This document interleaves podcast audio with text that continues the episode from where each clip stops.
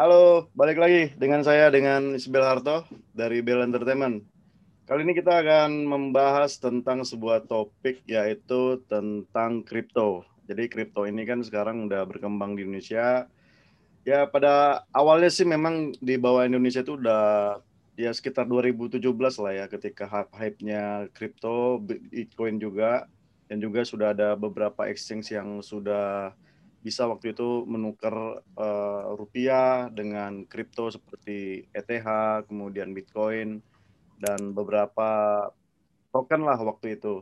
Cuman di 2021 ini sih perkembangannya sangat luar biasa. Ditambah lagi dengan beberapa ya lembaga-lembaga di Indonesia ini kan uh, sudah banyak yang membuat aturan main juga. Uh, dalam artian sih dalam tanda kutip uh, sudah bukan di zona abu-abu lagi gitu. Dan bahkan ya bukan zona gelap lagi ya jadi bukan zona ilegal gitu ya kan. Jadi uh, kali ini gue akan ngobrol banyak nih dengan narasumber gue nih yang gue udah lama kenal banget waktu di zaman kripto tahun 2018 ya mungkin ya. Waktu beliau ada di NEM kemudian ada pernah juga di Swipe hingga akhirnya sekarang dia menekunin bidang di uh, security. Security dalam cyber uh, computing gitu. Kemudian beberapa mengurusin uh, semacam ICO um, 12007 untuk um, apa itu? Untuk security ya. ISO tepatnya bro. Ya, uh, security, uh, yeah. International Standard Organization. Yeah. jadi uh, kalau boleh sedikit cerita nih ya. Hmm untuk kripto di Indonesia itu sebenarnya sudah mendapatkan restu penuh dari pemerintah hmm. dengan syarat uh, adanya standar keamanan. Nah, salah satu standar keamanan yang harus dipenuhi itu adalah uh, ISO 27001. Okay. manajemen informasi. Ya, oke. Okay. Cuman yang ingin saya highlight di sini karena kemarin Bu uh, Bro bilang jangan jualan loh Bro gitu ya. Oke. Okay. Oke, okay, jadi ini lebih ke usernya supaya gimana user itu uh, juga aware gitu. Nanti kita akan ke arah sana sih lebihnya. Uh, kalau di sisi exchange oke okay, sudah aman, tapi gimana hmm. usernya sendiri, gitu kan? Gitu bro. Oke. Okay. Tadi kalau sempat bilang uh, kita kenal 2017-2018 ya, berarti termasuk veteran nih ya, dulu zamannya kripto turun, jatuh. Gitu. Iya, waktu zaman zamannya zaman ya, gelap gitu ya. Habis ATH gitu kan langsung habis semua kan. Bahkan nah, sampai jadi angka 60 juta juga waktu itu Bitcoin kan. Hingga akhirnya Terus sekarang banyak lagi di harga 800 jutaan. Oke, jadi ini dengan Bro Anton Dewantoro. Nah, jadi beliau asli orang Jogja ya. Bukan, sebenarnya asli Bogor saya mah. Asli Bogor ya. Kelamaan di Jogja aja. Main kelamaan di Jogja. Jadi udah lama banget nih bro ya kita nggak ketemuan, nggak ngobrol-ngobrol juga. Jadi ya banyak kangennya lah ini. Jadi banyak hal-hal yang mau kita ngobrolin gitu kan. Tapi ya sebenarnya sih udah males juga tuh apa ngomongin beberapa industrinya gitu kan. Jadi gua hmm. mau ngomongin masalah dari sisi uh, security-nya sih. Karena okay. kan ya bisa dibilang kan uh, sekarang itu penggunanya udah naik loh, Bro. Gua ngelihatnya bukan dari sisi statistik ya. Gua itu ngelihatnya dari orang-orang sekitar gua jadi tahun 2019, 2020 orang belum ngeh bro, belum ngeh ah, itu crypto trading itu seperti apa, gimana gitu. Begitu masuk 2021, ada yang nanyain, eh ini rekeningku gimana? Eh ini toko kripto gimana? Eh ini pintu gimana? Ini Jeepmax, ini Thrift gimana katanya kan? Uh, saya heran kan, loh kamu kan biasanya main-main di trading-trading yang biasa gitu ya, kayak Saham misalnya di, atau forex gitu iPod ya. trading atau mandiri uh. forex gitu kan. Kok tiba-tiba lu nanyain uh, ke gua tentang exchange gitu. Nah, terus dia bilang bahwa oh iya karena mainnya 24 jam. Kemudian ya seluruh dunia main. Otomatis volumenya gede. Kemudian likuiditasnya gede. Hari ini gue cariin 2 miliar, wah hitungan detik langsung cair 2 miliar katanya. Uh. Uh-huh. Ya udah, saya lebih memilih gitu. Kemudian nggak banyak batasan-batasan kayak misalkan kalau di market kayak di apa di Indonesian apa exchange itu kan kalau udah 35% kan langsung halt tuh. Langsung disuspend oh. ya kan. Kemudian kalau dia down misalkan uh, 10% itu langsung di shutdown, langsung di halt gitu kan. Nah jadi terlalu banyak aturan gitu, nggak nggak bebas gitu. Jadi mereka banyaknya pindah gitu bro. Nah jadi ini uh, kebetulan gue ketemu sama lu kan kemarin kita ngobrol. Ini kayaknya bagus banget nih kalau kita ngobrolin uh, gimana sih dalam tanda kutip menjamin gitu lah ya. Dalam tanda kutip menjamin uh, nasabah-nasabah Indonesia inilah supaya mereka me apa bermain di dunia kripto, trading di dunia kripto itu aman gitu loh bro. Nah ini coba uh, bisa nggak lu kasih sedikit? Tadi ada ke... satu kata yang menarik dari uh, Bro Isbel yang sampaikan tadi bebas. Hmm. Kata bebas itu uh, seperti dua mata pisau gitu. Satu sisi hmm. uh, membebaskan kita memang untuk memilih instrumen mana yang mau kita pilih, kemudian project apa yang kita dukung hmm. kemudian uh, yang punya foundation atau enggak gitu ya. Ya, ya. Tapi sisi lain bebas itu bisa melukai kita sendiri gitu ya, karena uh, kita tuh nggak terbiasa dengan kebebasan. Konsep demokrasi itu mungkin baru berapa ratus tahun belakangan ini, sementara sejarah umat manusia kan jauh lebih panjang. Kemudian konsep bahwa uang itu bisa uh, decentralized itu relatif baru satu dekade dua dekade belakangan ini gitu, yang mana itu uh, mungkin tahun 2017 tadi waktu kita kenal pertama, orang anggap orang-orang macam kita ini orang gila gitu. Duit kok dibikin-bikin, duit kok hmm. uh, apa? Hanya komputer yang mengesahkan gitu, bukan bukan pemerintah, bukan hmm. bank sentral. Itu duit macam apa itu gitu kan pasti Jadi kita gila gitu. waktu itu ya. Karena gila, gitu. ikut ikut kayak gerakan separatis jadinya ya. Separatis gitu. Bahkan global di, ya bro, bukan regional. Global. Global ya iya, kan? Iya mengganti ya, duit di kalangan ya kan? mengganti uang di kalangan keluarga ngapain mendingan kerja yang benar daripada ngurusin kripto kriptoan gitu kan ah. tapi ternyata di 2020 2021 ini ah. industri kripto ini semakin kelihatan bentuknya gitu ya mulai dari hmm. DeFi NFT terus juga uh, exchanger itu juga udah hmm, ya kan betul CDBC bahkan ya yang CDBC, yang paling ya kan jadi dari dari bank sentral sendiri sudah arahnya kita ke sana bank sentral sendiri akhirnya ngikut hmm. sama sama kripto gitu kan. Tapi di sisi lain memang uh, security ini masih jadi PR besar gitu ya. Ya. Apalagi kalau kita lihat uh, definisi security. Security itu kan artinya kebebasan atau ketahanan dari potensial uh, serangan dari luar gitu ya. Nah. Ada uh, bebas dari ancaman gitu. Kayak Tapi satpam lah bro ya, satpam itu ya kan. Betul, betul. Jadi nah, kalau satpam itu kan fungsinya untuk menjaga orang masuk ke dalam gedung gitu ya. Sebelum dia masuk ke dalam gedung, hmm ah, ketemu dulu satpam gitu lah ya, security ya kan. Betul. Tapi itu fokusnya kalau serangan itu dari luar. Nah, ah. gimana dengan serangan yang dari dalam sendiri? Oh, ada juga serangan atau, dari dalam. Lebih sebut, sebutannya kerentanan, makanya kita sebutnya hmm. kerentanan. Kalau dari luar tuh ancaman, dari dalam kerentanan. Jadi misalkan ibaratnya nih, uh, sekarang lagi musim corona. Oke. Okay. Serangannya itu adalah virusnya corona, tapi kerentanannya adalah ketahanan tubuh kita. Apakah kita lansia, hmm. apakah kita sering begadang, apakah kita merokok, nggak hidup sehat gitu ya, itu kerentanan hmm. gitu ya. Tapi kalau kita uh, memang sudah berusaha hidup sehat, kemudian melakukan protokol kesehatan, kemudian juga kita memang agak menjauhi kerumunan, jadi meminimalisir serangan dari luar, hmm. harusnya kita nggak terpapar gitu ya. Nah, jadi itu sama juga. Gini, bro. Uh, serangan dari luar itu kita nggak bisa cegah, nggak bisa tolak. Yang ada adalah kita menguatkan kerentanan di dalam internal kita. Betul gitulah ya kira-kira. By, by design, uh, Bitcoin blockchain ini sudah meminimalisir berbagai serangan dari luar. Dia sudah punya berbagai metode hmm. untuk uh, memastikan kebenaran transaksi, mulai hmm. dari uh, proofing, proof of work, proof of stake, kemudian juga Byzantine fault tolerance kan dia sampai berkali-kali verifikasi. Oh iya memang benar ini transaksinya. Hmm. Tapi di dalam diri kita sendiri, apakah kita sudah aware bahwa memang ketika kita mainan di kripto itu aset kita itu tanggung jawab kita. Bahwa memang wallet itu cuman kita yang pegang. Ketika itu hilang, nggak ada yang bisa nolongin. Beda kalau kita lupa rekening, kemudian uh, rekening keblokir, kita bisa ke bank gitu ya. Iya, nah ini bro, itu nah kemarin ini... ada pertanyaan dari teman gua katanya kan. Hmm. Ini di satu sisi kelebihan, tapi di satu sisi kelemahan gitu loh.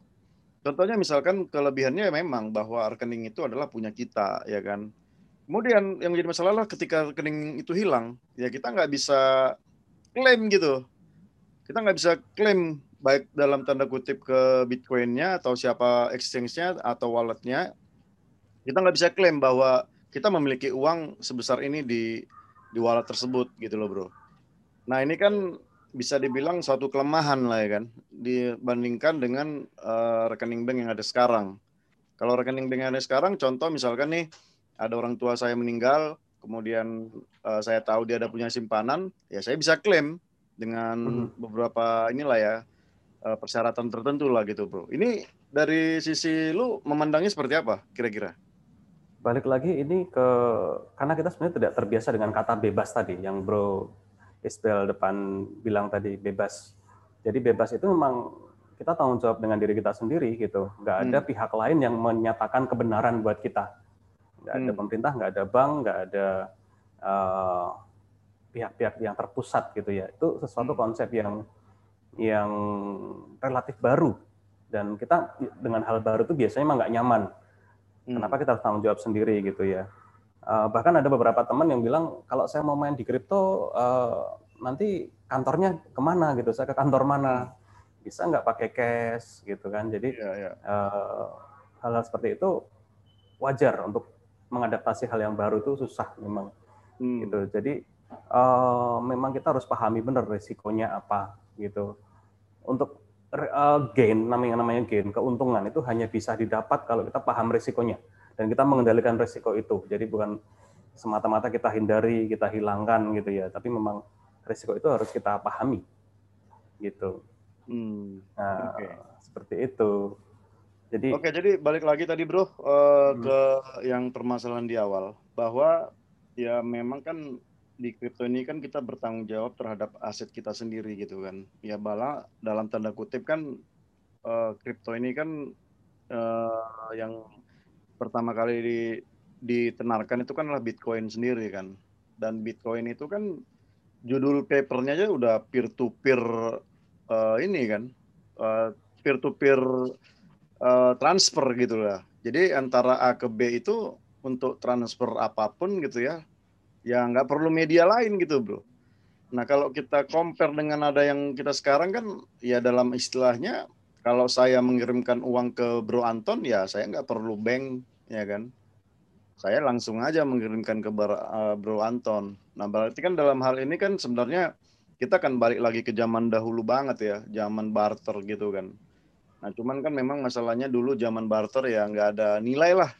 Misalkan harga satu kerbau dengan harga lima kambing apakah setara gitu kan nggak punya nilai gitu.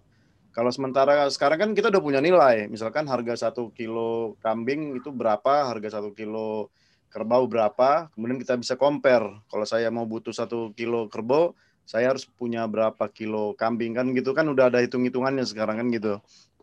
Nah, cuman sekarang itu bedanya bahwa ini semua berupa digital asset yang berupa ya barang-barang yang berupa digital kan gitu, Bro.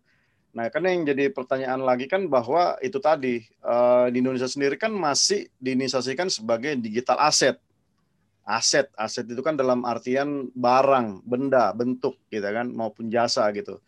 Nah, sekarang yang menjadi masalah adalah ketika mereka menggunakan tuh dibilang sebagai currency Currency itu artinya adalah mata uang gitu. Nah kemarin kita ngobrol dengan siapa ya? Aku lupa banget uh, dengan Dani atau Patria gitu ya. Jadi ada arti currency itu ada tiga gitu kan. Oh dari dari Dani, dari Dani, dari kata vexa. Jadi vexa itu ada uh, value ya kan. Kemudian yang kedua itu e e-nya itu adalah exchange, exchange, exchange. Baru yang ketiganya itu adalah uh, A itu adalah uh, account of asset gitu, account of asset. Jadi itu syarat dari itu ya. dua benda disebut dengan uang. Nah, jadi kan kita balik lagi bahwa apakah ada semacam undang-undang atau semacam kajian atau ya hukum lah bilang bahwa digital asset ini bisa dijadikan sebagai uh, currency gitu, Bro. Dari sisi Bro gimana? Kalau saya sendiri melihat kripto atau blockchain itu lebih sesuai disebut aset. Jadi saya lebih setuju dengan terminologi dari pemerintah Indonesia dalam hal ini Bapepti ya yang mengkategorikan kripto itu sebagai aset bukan sebagai currency. Karena hmm. kalau sebagai currency kayaknya di di luar sekalipun gitu orang masih reluctant untuk menggunakan misalkan Bitcoin untuk beli cireng gitu ya. Misalkan itu hmm. itu sangat rel, uh, reluctant sekali gitu karena nilainya sudah terlalu tinggi, kemudian fluktuasinya juga sulit di kayak tadi. Ya terlepas dari Bitcoin lah, ada gitu juga ya. beberapa stable coin yang memang harganya stabil, hmm. ada juga kan? Stablecoin saya lihat hanya untuk menjebatani dunia kripto dengan dunia real gitu. Jadi di luar ada berapa dolar, di sini berapa hmm. dolar supaya mudah convertnya, transfernya antar exchange antar wallet, maka pakai uh, eh, USDT atau BUSD atau USDC atau hmm. IDRT gitu ya. Itu uh, untuk mempermudah transfer antar wallet saja. Tapi uh, untuk berdagang sehari-hari saya rasa hmm. masih agak jauh, kalaupun bisa pun agak jauh. Jadi makanya saya lebih setuju terminologi dari pemerintah Indonesia bahwa itu aset. Dan aset itu bukan semata-mata benda. Jadi kalau dalam keamanan informasi, karena saya berangkatnya dari ISO 27001 gitu ya, hmm. namanya aset itu ada tiga. Ya. Satu memang aset fisik yang berupa benda. Aset Kedua fisik. adalah aset vir, aset virtual. Oke, yang tangible ya? Iya, yang tangible itu tangible, benda. Ya. Kemudian yang kedua virtual itu adalah uh, aset untuk mengolah informasi. Dan aset yang paling penting informasi. Itu apa? Intangible intangible tapi itu hanya mengkonvert atau mengolah misalkan uh, contohnya Microsoft Word misalnya hmm. Microsoft Excel atau uh, apa untuk melakukan manipulasi program gitu ya uh, hmm. Seperti itu terminal termasuk atau Nebin itu termasuk aset virtual sesuatu yang semacam mesin jadi virtual mesin lah virtual mesin itu aset virtual kemudian yang paling penting itu justru ya. aset informasi. Nah, semua aset informasinya. Oh, oke. Okay. Semua kripto, uh, semua blockchain itu adalah aset informasi yang hmm. ada nilainya, yang bisa dipertukarkan, yang bisa hmm. disimpan, hmm. yang bisa di staking bahkan dari staking itu bisa beranak lagi. Hmm. Jadi ada sesuatu yang sifatnya abstrak tapi bisa dibendakan. Nah, ini yang hampir di semua klien yang saya temui itu biasanya hmm. nggak aware gitu. Bahkan perusahaan teknologi sekalipun ketika ditanya, Pak punya aset, Bu punya aset yang dia yeah. bilang langsung saya punya sekian uh, gedung, meja, kursi, komputer hmm. gitu ya. Enggak yang pertama bukan dijawab adalah oh saya punya data pelanggan sekian. Saya hmm. punya uh, user base sekian, saya punya uh, data transaksi sekian. Itu yang sebenarnya itu jauh lebih berharga daripada gedung yang dia punya kalau sekarang ini. Jadi Oh gitu. Tapi kan secara uh, accountability kan susah juga, Bro, untuk mengukur intangible ini kan. Agak susah karena bisa memang, nilainya memang. kan tidak tidak ternilai malah.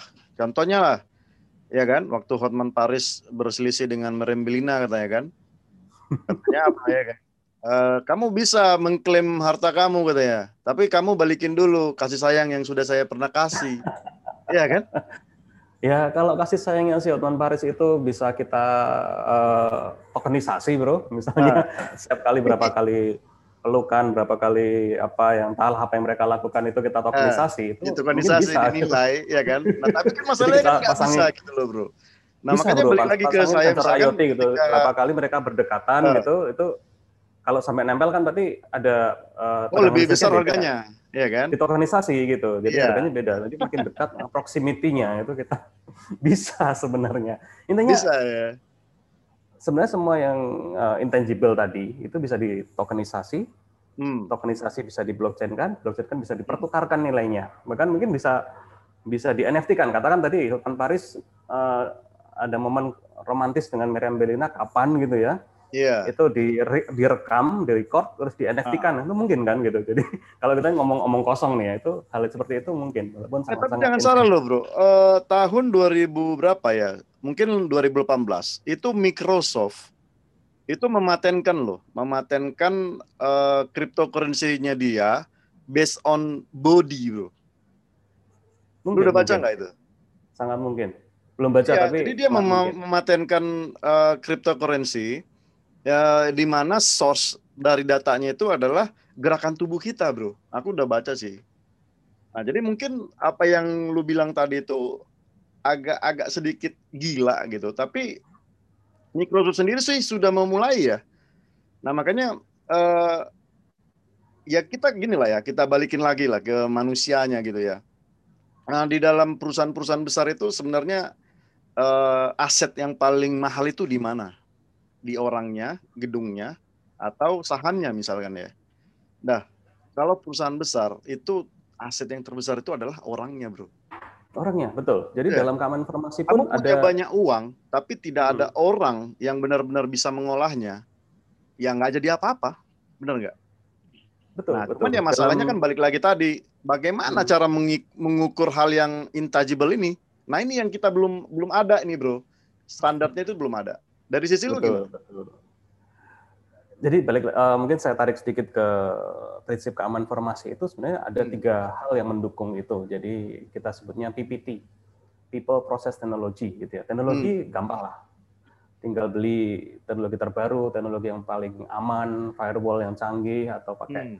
server yang gimana itu perusahaan pasti bisa gitu ya. Pasti bisa. Perusahaan pasti bisa beli gitu ya. Selama Dan proses itu bisa kita uh, pakai best practice. Jadi ada perusahaan-perusahaan kecil uh, meniru proses yang sudah jadi di perusahaan besar itu bisa kita hmm. tiru. Tapi people itu yang susah. Jadi uh, balik lagi ke orang itu yang paling susah dikendalikan dalam keamanan informasi. Demikian juga dalam uh, tokenisasi tadi gitu ya. Hmm. Uh, perilaku orang, perasaannya orang itu susah diukur, tapi bisa. Jadi tadi kalau Bro Isbel bilang itu gila, gila nggak masalah selama ada yang beli gitu kan.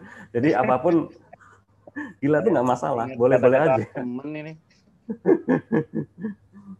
ya ibaratnya kayak kemarin waktu kalau nggak salah Pandu ya pernah pernah uh, bilang ada kota virtual dijual 11 miliar rupiah gitu ya. Uh, 770 k. Iya, kalau kira-kira di rupiah segitu ya 770 k USD kan. Iya. Uh, saya kebiasaan pakai rupiah, saya jarang pakai USD.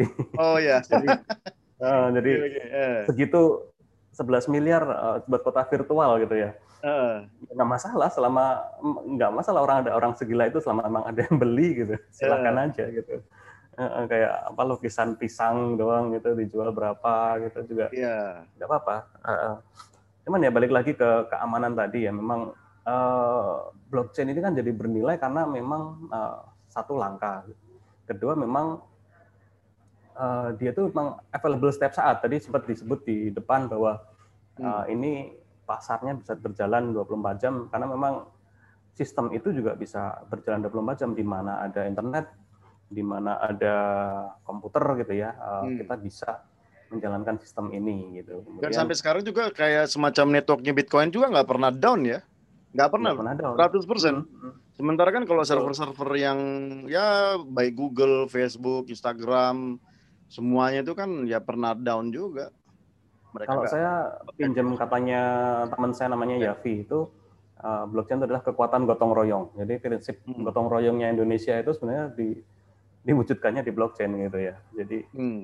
uh, di situ dia bisa menjamin ketersediaan, bisa menjamin kebenaran, integrity. Hmm.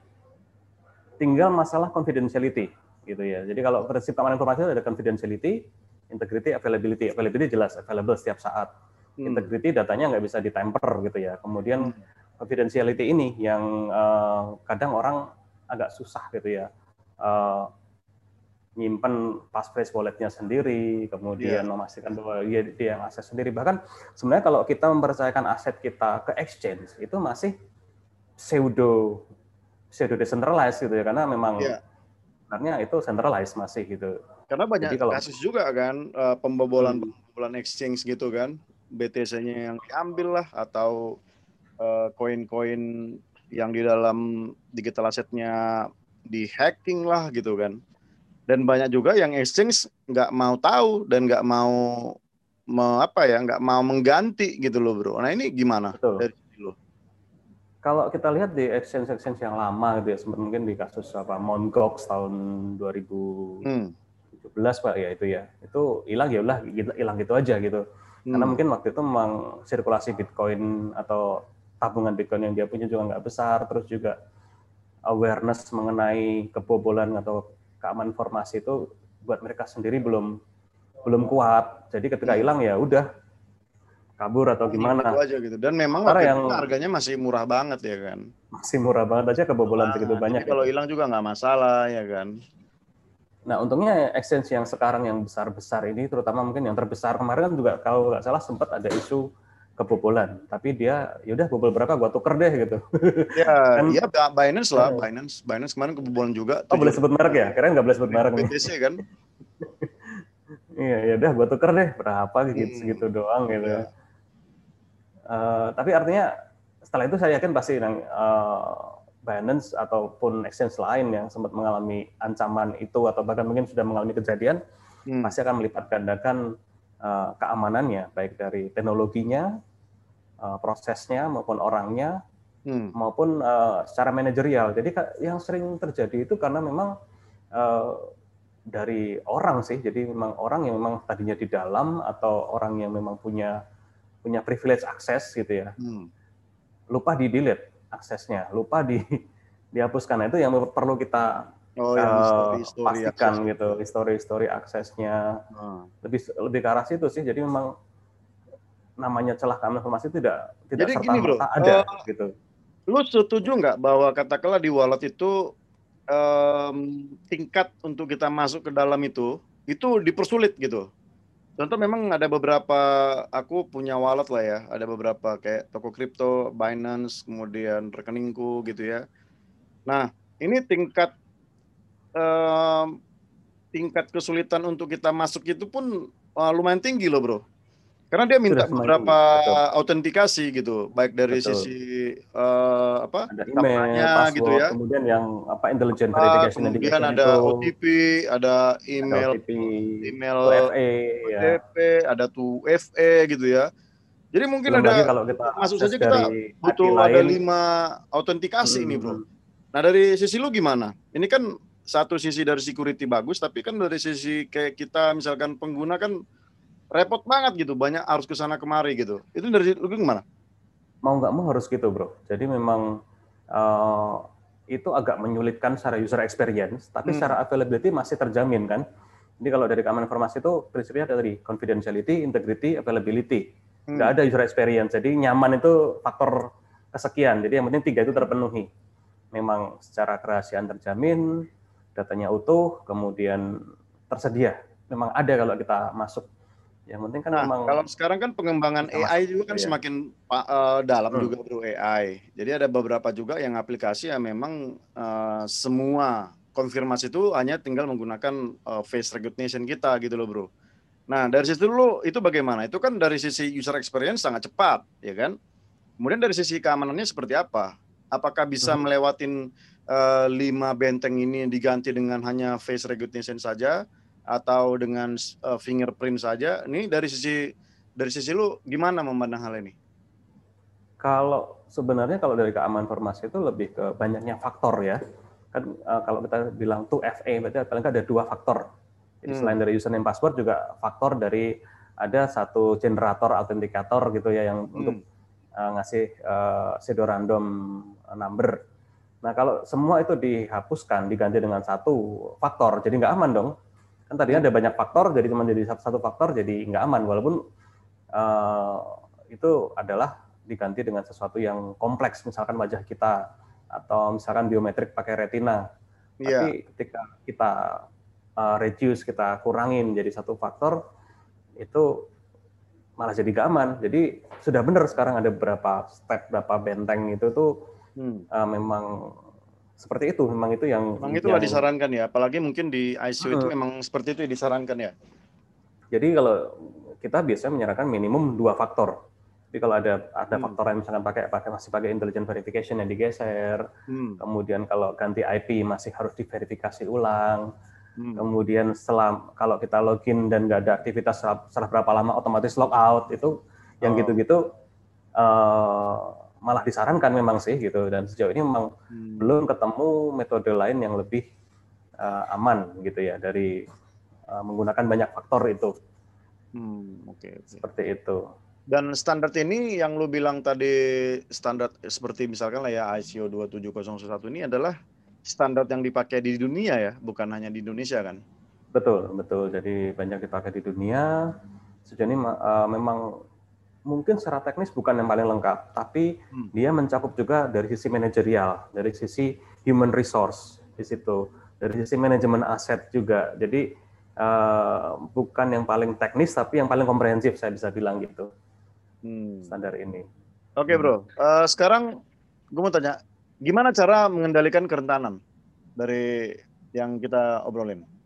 Hmm, Oke, okay. pastinya kita prinsipnya orang-orang itu ya kalau di grup-grup Telegram di hmm. YOR, do your do your own research. Hmm. Kemudian tidak kalah penting juga do your own uh, risk assessment gitu. Jadi uh, apalagi kalau kita sebagai user ya kita perlu melakukan risk assessment, kita mulai dilihat konteksnya. Kita kenapa sih masuk ke kripto? Kenapa kripto hmm. itu begini? Kita tahu para pelajari karakternya, kemudian kita melakukan identifikasi dari mana aja kira-kira ancamannya. Ancamannya apakah dari uh, pertas dari luar, apa lebih dari kita lupa uh, untuk lihat passphrase-nya. Kemudian ancaman kalau dari investasi apakah kita bisa men, menerima kenaikan keturunan yang uh, kenaikan turun yang sangat fluktuatif bisa atau hmm. enggak jadi kita akses sebanyak-banyaknya faktor kemudian setelah dapat risiko-risiko itu biasanya kalau uh, risiko di sistem informasi yang lain itu bisa kita transfer bisa hmm. kita uh, abaikan tapi di sini enggak ini harus kita pegang sendiri harus kita kendalikan sendiri misalkan kalau kita lihat risiko Eh, bahwa aset kita yang ada di exchange itu bisa hilang karena mungkin exchange-nya nggak amanah gitu ya. Ada satu dua exchange di Indonesia yang mungkin beberapa tahun yang lalu ada tiba-tiba ngilang itu kan juga uh, artinya exchange itu bisa jadi nggak amanah. Nah, hmm. kita uh, modifikasi ya, resikonya. mau wadah sedekah ya. Betul. kita kita uh, modifikasi resikonya misalkan dengan menggunakan uh, wallet yang terpercaya yang lain misalkan entah MetaMask, Trust Wallet tapi kalaupun itu masih dirasa kurang uh, terpercaya karena gimana pun juga itu bikinan third party pakailah uh, hardware wallet kayak Trezor atau apa itu sudah sudah uh, pasti ya milik sendiri dan juga tidak tergantung ya. dengan platformnya ya. Platformnya. Walaupun ribet sebenarnya, tapi uh, ya tahun juga nggak masalah gitu ya. ribet gitu.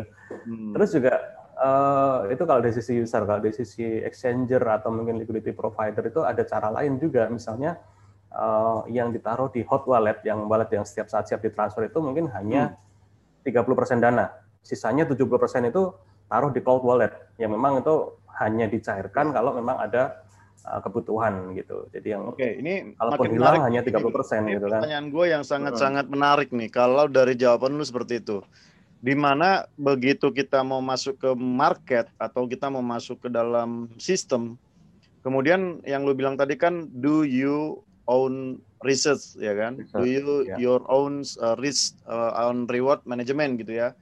Nah yang terjadi adalah uh, seperti yang lu tahu juga ada banyak um, ya proyek-proyek scam yang mengatasnamakan blockchain, mengatasnamakan bitcoin, mengatasnamakan kripto gitu ya yang dalam hal ini mereka bisa bilang menggandakan duit lah, investasinya besar lah, macam lah gitu.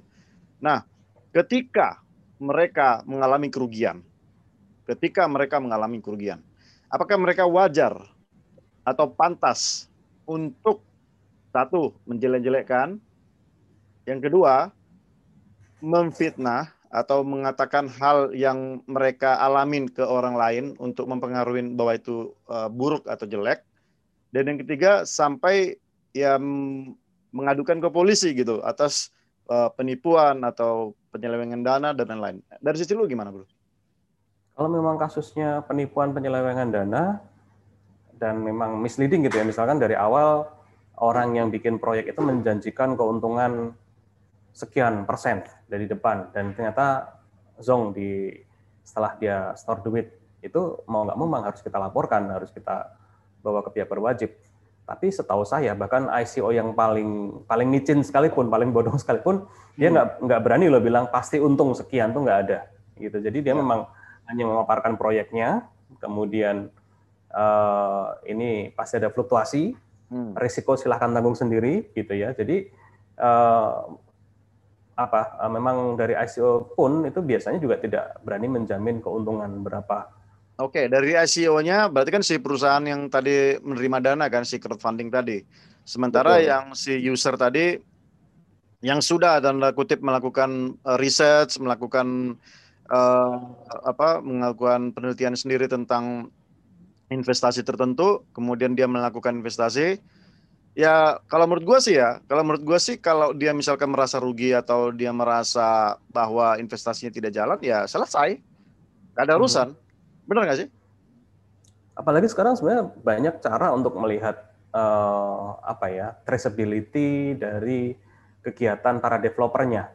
Hmm. Sekarang okay. ada GitHub, ada apa gitu. Jadi kita tahu uh, orang-orang di belakang itu hmm. sudah pernah punya proyek apa sih? Orang-orang di belakang itu uh, sebelumnya ngerjain apa gitu. Kalau sebelumnya nggak ada apa-apa, ujuk-ujuk ada. muncul nama, kemudian uh, jualan ini jualan itu dan sampai menjanjikan keuntungan itu nggak ada bedanya dengan Dimas Kanjeng gitu kan kalau Bapak Tanelo ada. Ya tapi setahu saya bahkan bahkan ICO yang yang paling nggak jelas sekalipun nggak nggak berani dia menjamin berapa persen gitu.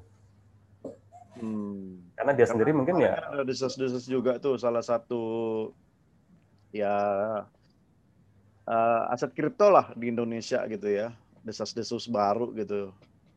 Nah jadi ya harganya jauh banget dari ICO gitu. Hingga sampai sekarang harganya sudah hampir nol gitu ya.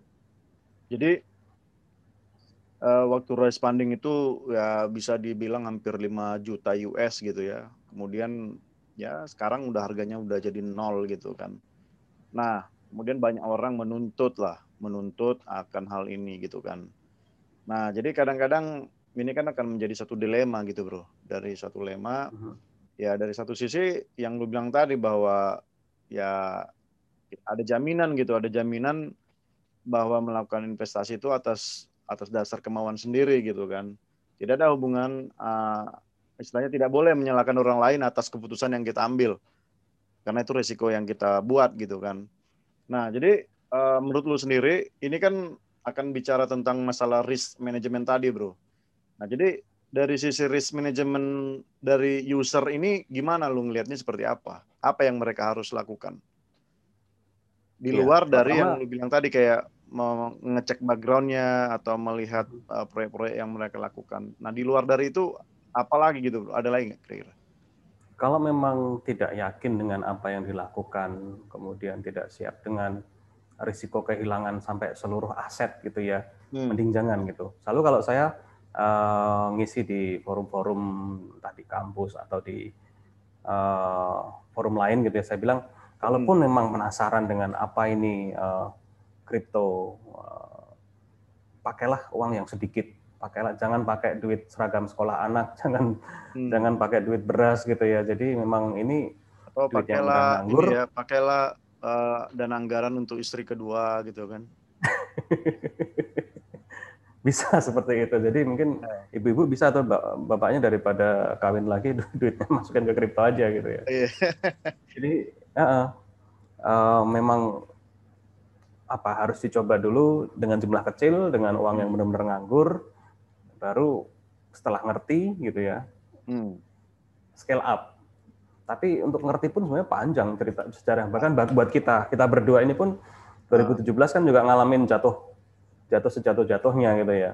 Hmm. Uh, baru mungkin sekarang ini bisa lumayan bernafas lega gitu setelah harga kripto harganya bagus, kemudian iya. orang-orang nggak memandang kita sebelah mata lagi gitu. Iya iya iya betul. Uh, Dulu gua lawannya banyak, sekarang temannya jadi banyak bro temannya jadi banyak gitu. Yeah. jadi sekarang oh iya Mas Anton mau ngisi tempat kami nggak? Dulu padahal kita ketok pintu juga lu nggak jualan apa? gitu. Iya iya iya. Betul betul. Hmm. jadi memang ya kepercayaan itu butuh waktu lama sih ya. Butuh waktu gitu. Jadi untuk uh, kita fasih dalam bertrading pun butuh waktu yang cukup lama gitu. Jadi mulai dari kecil kemudian juga membiasakan diri untuk tidak menyalahkan orang lain kalau ada kesalahan, ada kesalahan analisis gitu. Karena beneran kalau kripto ini bisa nol nol beneran. Beda dengan saham gitu ya. Kalau saham kan sejelek-jeleknya eh, bisa gocap ya walaupun gocap bertahun-tahun nggak nggak bergerak gitu kan. Bro. Iya. walaupun gocap tapi ya udah gocap terus gitu. Iya betul betul. Nah jadi ini ada uh, lu sebutin ada kayak semacam risk apa risk uh, treatment lah gitu ya dalam dalam artian uh, uh, uh. ya semacam pengobatan risiko gitu loh. Nah ini gimana lu menjelasin dari sisi Nah, itu bro, pengobatan resiko tadi. Tepatnya bukan pengobatan sih, ini lebih ke mitigasi gitu ya. Kalau kita hmm. tahu bahwa nanti. Oh artinya kalau nah, mitigasi ini kan belum terjadi ya? Betul betul. Ketika nah, kita jadi, tahu nanti. Nah, pertanyaan gue tuh kalau misalkan nih kita udah udah kepalang tanggung nih, rugi gitu kan. Nah terus gimana nih? Gue harus gimana gitu loh? Apakah gue harus keluar, terus gue musuhin, gue ban dalam hidup gue, atau gimana kira-kira bro? Ya kalau memang itu jalan yang terbaik nggak apa-apa, karena memang kripto ini nggak nggak nggak cocok buat semua orang gitu ya. Ketika hmm. kecewa dan dia mau keluar mau marah-marah ya memang nggak apa-apa kalau memang marah itu adalah kebutuhan dia dan bisa bisa membahagiakan dia gitu ya, nggak masalah gitu. Uh, cuman memang mitigasi risiko tadi untuk risk treatment itu ya sesimpel kalau kita tahu nanti sore kira-kira bakal hujan gitu dan kita belum terlanjur pergi, kita bawa jas hujan atau bawa payung gitu ya atau nggak pergi sekalian gitu. Jadi keputusannya terserah atau mungkin pergi naik mobil walaupun mungkin uh, dari bensinnya jadi lebih mahal gitu kan. Jadi uh, terserah opsi yang mana mau kita pilih, mana yang memang kita mampu gitu ya. Kalau ternyata memang ah kita duit lagi tinggal di kantong tinggal dua puluh ribu nih, ya jangan naik mobil, nanti malah resiko nggak kehujanan tapi di jalan macet karena nggak bisa beli bensin gitu ya. Jadi uh, mitigasi resiko itu balik lagi ke individu. Jadi misalkan uh, ada risiko bahwa uh, di kripto ini duit akan minus yang tadinya mungkin katakan waktu itu 2017 ya Bitcoin 200 juta jadi 60 juta itu kan hampir seperempatnya hilang. Nah, mengkompensasi 3 75 persen, 70 persen yang hilang selama berapa tahun tuh sampai balik lagi ke angka 200 3 tahun 4 tahunan gimana gitu kita harus punya itu.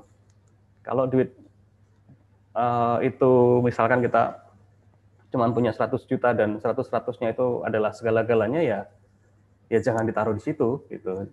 Kalaupun mau taruh ya sedikit aja yang kira-kira kita tetap bisa makan, eh, anak-anak tetap bisa sekolah gitu kan. Seperti itu.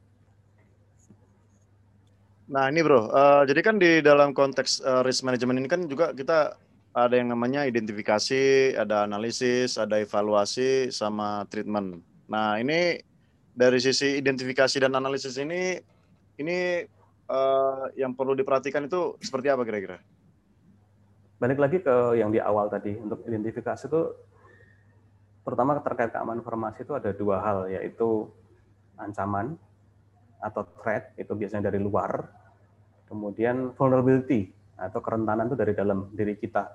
Kita cari sebanyak-banyaknya faktor itu ya. Jadi apakah uh, terutama yang kerentanan itu agak susah. Jadi pertama uh, dari segi uh, profil risiko kita, apakah kita memang kita ini orang yang siap menerima kekalahan, siap menerima kerugian yang besar, atau enggak? Kita pengennya ya aman-aman aja gitu ya. Um, walaupun sebenarnya di dunia ini nggak ada yang aman gitu. Misalkan kita bilang bahwa deposito aman gitu ya, karena dijamin. Tapi ingat ada tanda kutipnya, dijamin hanya mencapai 2 miliar kalau nggak salah ya. Di bawah itu di atas itu nggak dijamin oleh eh, lembaga ya, penjamin LPS simpanan. ya, lembaga penjamin simpanan LPS, kan 2 gitu. miliar gitu. kan. Itu sejak uh, orang kejadian itu malah sejak kejadian masalah Bank Mutiara itu kan. Bang apa Betul, sih? betul. Jadi uh, sebenarnya nggak ada sistem yang benar-benar aman. Nah, apakah di kripto yang fluktuatif dan rawan untuk zong ini kita juga siap gitu ya. Yang nggak usah jauh-jauh bro, bahkan asuransi yang sebagai penjamin aset dan penjamin uh, ya beberapa hal dalam sistem keuangan juga bangkrut juga kan. Bangkrut juga, makanya asuransi loh, asuransi kan yang menjamin harusnya bangkrut juga. Kalau saya sendiri sebagai orang yang pro kripto, pro blockchain gitu ya, lebih percaya hmm. dengan konsep asuransi yang berbasis smart contract. Jadi ketika memang Eh, kita jadi ada dana yang semacam kayak jadi polisnya ditaruh hmm. di satu uh, kontrak gitu ya ketika nanti ada satu kejadian yang memang memenuhi syarat kontrak itu langsung disburse langsung kita dapat jaminannya gitu kan itu lebih harusnya lebih tapi dari uh, satu sisi kalau bicara gitu ya. kontrak itu waktu zamannya DeFi itu kan semua kan pakai smart kontrak ya. Itu hmm. banyak orang nggak bisa baca isi dari smart kontraknya hingga akhirnya mereka salah ngambil keputusan bro. Kalau lu udah pernah dengar itu. Jadi kan di smart kontrak itu yang seperti Long bilang tadi, apabila sudah mencapai dari kata kesepakatan atau kontraknya yang sudah disepakati bersama memenuhi dari apa yang sudah disesuaikan, itu langsung uh, liquid gitu ya. Nah, yang terjadi adalah orang-orang ini tidak membaca smart kontrak itu gitu loh. Mereka tidak membaca uh, isi dari smart kontrak itu apa. Nah, itu akibatnya negatif. Nah, sekarang bagaimana caranya uh, misalkan kita permudah atau kita membuat sebuah UI lah atau UX atau seperti apa yang membuat smart contract ini bisa dipahamin oleh orang-orang awam kan itu yang selama ini nggak diberikan yang ada kan di Kalau smart contract kan kita harus masuk ke dalam hard codingnya kan uh-huh. dalam hard coding itu kita akan bisa baca tuh seperti apa klausulnya cuman kan ini kan hanya orang-orang tertentu saja yang bisa untuk membaca smart contractnya tidak untuk semua kalangan Nah itu dari mana kira-kira? Kalau saya lihat upaya untuk membuat itu jadi lebih mudah dibaca, mudah dipahami itu sudah ada sih. Kalau Bro Isbel lihat di misalkan sushi swap atau pancake swap itu dia coba dianimasikan. Jadi kalau ketika orang naruh duit mau diputerin lagi itu ditaruhnya di pool namanya gitu ya. Kemudian uh, ibaratnya kayak numpuk kue nanti kuenya berapa gitu ya. Jadi kan sudah ada visualisasinya. Sushi swap juga gitu yang berbasis Ethereum. Uh, supaya orang nggak nggak lihat ke coding tapi lihat punya bayangan di kepalanya. Walaupun saya saya sendiri bilang itu belum sempurna, tapi sudah paling nggak ada visualisasi bahwa saya ini naruh di sini ada sirup pool, ada ibarat saya bayangin ada kolam kolam apa sirupnya dari situ nanti ada keuntungan, jadi kayak berkembang jadi apa gitu ya jadi model lain jadi kayak kita punya semacam brewery gitu kan ya yang dalam benak saya seperti itu. Jadi eh, visualisasi dari para penyelenggara DeFi ini sudah lumayan oke okay, supaya kita nggak repot-repot membaca isi smart contract. Walaupun kalau mau baca di ETH eh, e scan atau di BSC scan bisa gitu tapi uh, visualisasinya sudah sudah oke okay lah gitu ya walaupun belum belum sempurna gitu jadi nah Oke bro. Memang perlu upaya lagi, tapi hmm. oke okay lah gitu. Kalau saya sih bilang gitu. Hmm. Hmm. Oke bro, uh, ini pembahasan kita yang terakhir. Jadi kan sekarang uh, Bro Anton kan udah ini ya, uh, sebenarnya nggak jauh-jauh dari kripto juga gitu ya. Tapi sekarang udah mostly udah bermain di ICO ya untuk apa? Untuk uh, blockchain dan keamanan informasi berbasis ICO gitu kan ya. Nah ini bukan uh, ICO tapi ISO ya. Jadi ya, ISO itu ISO bukan hmm. ICO ya beda ya. ISO ISO ISO. ICO Cara bacanya jadi membuat arti yang berbeda ya. Terus terang nih saya takutnya ada yang ada yang browsing nama saya gitu memang sempat ikut beberapa project ICO gitu ya. Uh. Uh, tapi sekarang enggak lagi gitu ya. Sekarang memang ya. lebih sekarang udah ISO ya. ISO, jadi gitu pembacaannya ya. harus harus uh, dibedain ya. Betul. Jadi ISO nah, ini bahasa bro, Yunani artinya sama gitu. Uh, sudah ada 13 perusahaan yang sudah uh, terdaftar ya. Jadi kalau ada yang bilang sudah mendapat izin itu bullshit lah, itu bohong. Yang ada itu adalah yang terdaftar karena dalam untuk mendapatkan izin itu kan masih banyak hal-hal yang harus mereka kerjakan. Termasuk juga kan mereka harus punya ICO 27001 ini kan. Yang di mana ini kan agak berat juga, nggak semua uh, company atau perusahaan yang bisa lolos dalam mendapatkan uh, eh, ICO ini gitu. Nah jadi pertanyaan gue nih bro, uh, kalau dari sisi uh, bro sendiri, kalau untuk perusahaan yang berbasis kripto ini, uh, baik itu exchange ataupun nanti beberapa kayak ya token-token atau koin-koinnya sendiri gitu dari sisi platformnya. Uh, ini apa yang uh, Bro bisa bagikan ke kita? Seperti apa? Kalau saya lihat sebenarnya beberapa, terutama yang besar-besar di Indonesia itu hmm. sudah uh, proses terdaftarnya tinggal dikit lagi. Jadi syarat-syarat itu mereka ada banyak selain ISO 27001 itu juga ada hmm uh, persyaratan ISO 27017 uh, itu oh, mengenai ya, keamanan cloud, ya, cloud, cloud security ya. Kemudian 27018 mengenai perlindungan data pribadi walaupun itu turunan dari 27001 ya. Hmm. Terus ada lagi mereka harus ada orang profesional CISEP Certified Information Security apa ya profesional kalau nggak salah itu ya. Ya, jadi mereka harus ada orang yang memang secara rutin melakukan syscambling di sistemnya gitu ya. Hmm Kemudian ada syarat kecukupan modal juga. Saya lupa berapa itu. 50 Jadi, miliar. 50 miliar, oke. Okay. Iya. Kalau untuk uh, pedagang aset kripto ya. Uh, dari Bapepti itu sudah memberikan syarat yang cukup tinggi. Harapannya supaya nggak sembarang orang uh, berdagang aset kripto. Jadi dari sisi exchanger itu saya rasa sudah cukup aman dan beberapa dari mereka mungkin sudah hampir selesai proses berizinnya gitu. Uh, karena mereka gerak cepat gitu ya, uh, semua persyaratan dipenuhi. Nah, balik lagi tinggal kita sih sebagai pengguna awam ini, apakah kita juga aware bahwa ada kerentanan loh uh, sebenarnya dalam diri kita sendiri gitu, bahwa kita mungkin nggak menguasai teknologinya, nggak menguasai uh, fluktuasi, nggak menguasai psikologi kita sendiri. Kita sendiri sih orangnya gimana sih gitu. Seperti itu. Ya, oke bro. Uh, kalau dari sisi user kan itu ya. Kalau mungkin ini gue bertanya-tanya sih karena ada beberapa juga teman yang mau buka exchange lagi gitu ya. Uh, ini kira-kira dari sisi lu nih ada beberapa, ada 10 klausul dan 14 kendali dalam annex gitu ya. Nah ini ada empat uh, bagian yang ada di sini yang gue baca nih.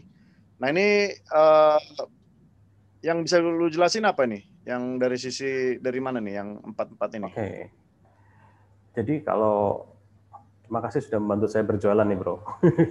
Jadi dari dari dari. Bukan sih, cuman saya juga kan pengen tahu, karena kan yeah. dulu kan juga kita mau buat ICO 27011 kan. Mm -hmm. Jadi bisa sih untuk menjadi masukan ke beberapa exchange juga kepada beberapa media platform lah untuk di crypto ini gitu ya, bro. Gimana bro? Syarat keamanan informasi yang diterapkan oleh Bapepti itu saya rasa uh, memang pas, memang perlu gitu ya, dan memang bersesuaian dengan ISO 27001. Jadi di situ ada 10 klausul di mana kita sebenarnya hanya perlu memenuhi nomor 4 sampai nomor 10 karena 1 sampai 1 sampai 3 itu hanya definisi gitu ya. 4 eh, sampai 10 itu mulai dari konteks organisasi. Eh, siapa saya, kemudian saya berdagang di mana di Indonesia, kemudian customer saya siapa, regulator saya siapa. Dari situ saya tahu ancaman saya dari mana. Kemudian ada klausul berikutnya mengenai kepemimpinan bahwa memang dari unsur pimpinan dari exchange itu sendiri sudah memang berkomitmen untuk menerapkan keamanan informasi. Kemudian ada perencanaan. Di situ kita sasarannya apa. Misalkan sasaran kita di tahun ini lebih ke availability. Bahwa uh, sistem exchanger ini akan nyala uh, 99,9 persen kayak waktu di telco dulu juga kan gitu kan ada kita menerapkan SLA bahwa kita akan melayani uh, hampir 24 kali 7 dengan hanya boleh mati katakan Eh, tujuh jam dalam setahun gitu ya. Itu mungkin sasaran tahun pertama. Ini tahun kedua kita upgrade lagi. Sasaran adalah seluruh data pelanggan terproteksi, tidak ada kasus peretasan sama sekali. Kemudian mungkin di tahun berikutnya apalagi mungkin lebih ke uh, kemudahan dalam uh, bertransaksi atau mungkin kita punya sasaran yang lebih dalam lagi seperti melakukan uh, uji kerentanan secara teknis gitu ya. Itu bisa diterapkan secara bertahap, jadi nggak harus selesai di tahun pertama. Itu sasaran. Dari sasaran itu kita lihat lagi resiko-resikonya apa. Itu tadi dari jadi bagian dari perencanaan itu kita lihat sasaran dan risiko. Kemudian eh, klausul berikutnya kita harus memastikan bahwa kita punya sumber daya yang cukup, punya orang-orang yang cukup, kemudian punya uh, perangkat juga yang memadai, kemudian kita tahu bahwa informasi kita itu juga adalah aset kita yang paling berharga, kemudian kita mau berkomunikasi dengan siapa, kemudian kita mengendalikan operasi, uh, mulai dari uh, kita tetap kebijakan operasional sampai ke pemenuhan compliance itu yang tadi disebut sebagai 14 kendali aneks itu bagian dari operasional sebenarnya. Kemudian setelah itu uh, kita cek secara berkala, kita lakukan namanya audit internal, tinjauan manajemen.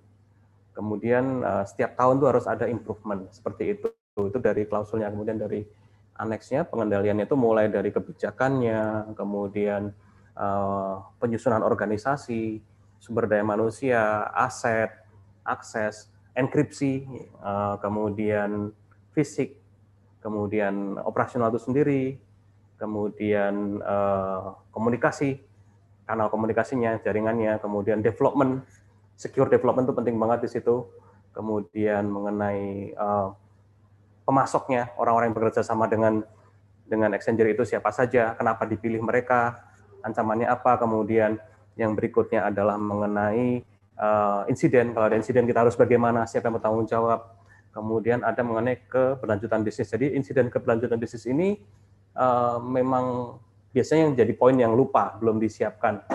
Intinya kita perlu tahu harus ngapain kalau ada kejadian ini, siapa yang tanggung jawab, dan kita simulasikan. Seringnya kita uh, ketika kejadian sesuatu nggak siap karena kita nggak nggak pernah uh, simulasi gitu. Baru yang terakhir adalah mengenai kesesuaian hukum. Kalau di Indonesia ya dengan peraturan Bapeti, dengan UITE, dengan uh, peraturan konsumen seperti itu. Uh, sebenarnya ya? ini bukan sesuatu PSE juga Kominfo sebenarnya bukan sesuatu yang seram sebenarnya buat terutama kalau memang dari orang yang sudah punya background kripto, punya background teknologi gitu ya. Uh, yang serem tuh kalau memang dia sama sekali nggak ada awareness, nggak ada pengetahuan sama sekali terkait informasi, nah, itu yang agak sulit sih. Tapi kalau saya rasa kalau teman-teman kripto, teman-teman uh, pelaku industri blockchain sih biasanya sudah punya certain level of awareness. Jadi kita sebagai konsultan cukup enak ngarahinnya. Oh, tinggal gini-gini yang kurang ini, tinggal simulasinya aja yang belum biasanya gitu. Gitu sih, Bro Isbel. Ya, oke okay, Bro. Uh, penjelasan ini sih lumayan padat gitu ya. Tapi memang kalau untuk mendapatkan ISO ini kan memang agak ya lumayan-lumayan sulit lah. Dibanding juga ya harganya ya. Saya dengar-dengar sampai ratusan juta juga ke, ya untuk mendapatkan ini ya. Uh, tergantung sih bro. Jadi kalau hmm. kami sih lihat skopnya biasanya, kemudian apalagi kalau terkait crypto blockchain ini kan sebenarnya dia nggak multi site, kemudian nggak dikerjakan oleh banyak orang biasanya. Jadi untuk komunikasinya juga nggak sulit gitu ya. Yang mungkin benar adalah memang waktunya nggak bisa cepat paling cepat tiga bulan karena kita perlu lihat pengukuran paling nggak selama tiga bulan. Jadi syarat dari badan sertifikasi juga memang untuk memastikan bahwa sebuah organisasi itu sudah siap, itu kita harus lihat tiga bulan ke belakang.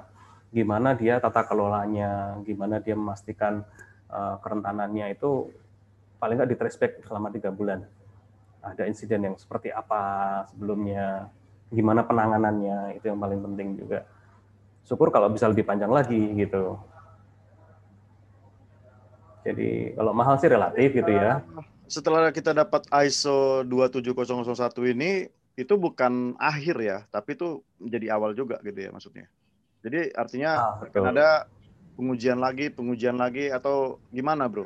Apakah sama kayak semacam ah, kita ah. sertifikasi, mungkin umurnya hanya dua tahun, kemudian kita harus mengambil lagi sertifikasi itu dua tahun lagi untuk uh, tetap mempertahankan. Itu gimana kira-kira?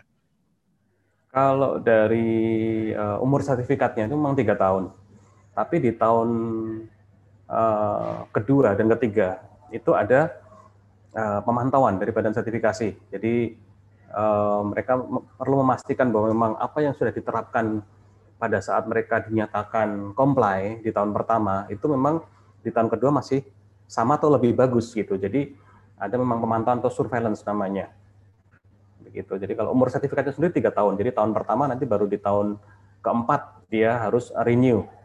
Tapi di tahun kedua ketiga ada namanya surveillance seperti itu, pemantauan aja. Oke, Bro Anto.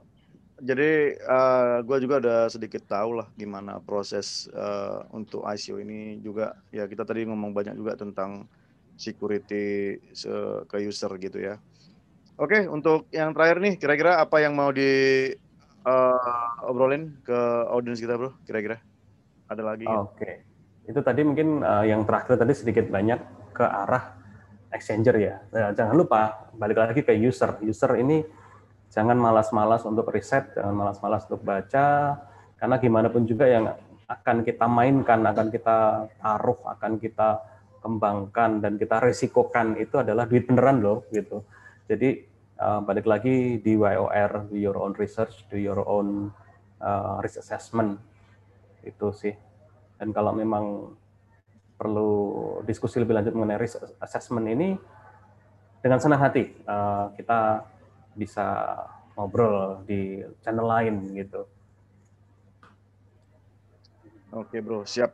Jadi waktunya juga nggak panjang, tapi walaupun nggak panjang, tapi kita udah hampir satu jam 10 menit nih ngobrol bro. Betul.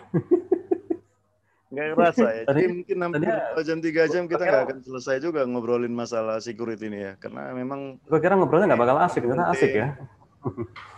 dan paling banyak ya kan paling banyak hal yang di dielakkan oleh semua orang gitu. Padahal ini hal-hal yang paling penting. Namun begitu bro. Uh, uh, oke. okay. kita cukup sampai di sini. Jadi semoga terima kasih sudah mengundang. uh, bisa paham dan mengerti uh, bagaimana pentingnya ada security di dalam uh, sebuah aplikasi. Juga kepada ya penyedia platform ya. Penyedia platform juga ya ya dibantulah dibantulah untuk uh, usernya memberikan kepercayaan dengan menggunakan uh, apa dengan harus memiliki ISO 27001 itu ya itu kali ya bro ya bro Anton ya oke okay. oke okay. thank you okay, bro Spell sudah mengundang demikian perbincangan kami dengan uh, bro Anton Dewantoro semoga teman-teman yang uh, mau mendengarkan dan ya sedikitlah uh, mengetahui apa yang kami bicarakan ini. Semoga nanti berguna untuk ke depannya. Sampai oh. jumpa di next episode. Salam dari Bell Entertainment. Ya, terima kasih Bro Anton. Sehat selalu. Terima kasih. Ya, sehat selalu Bro.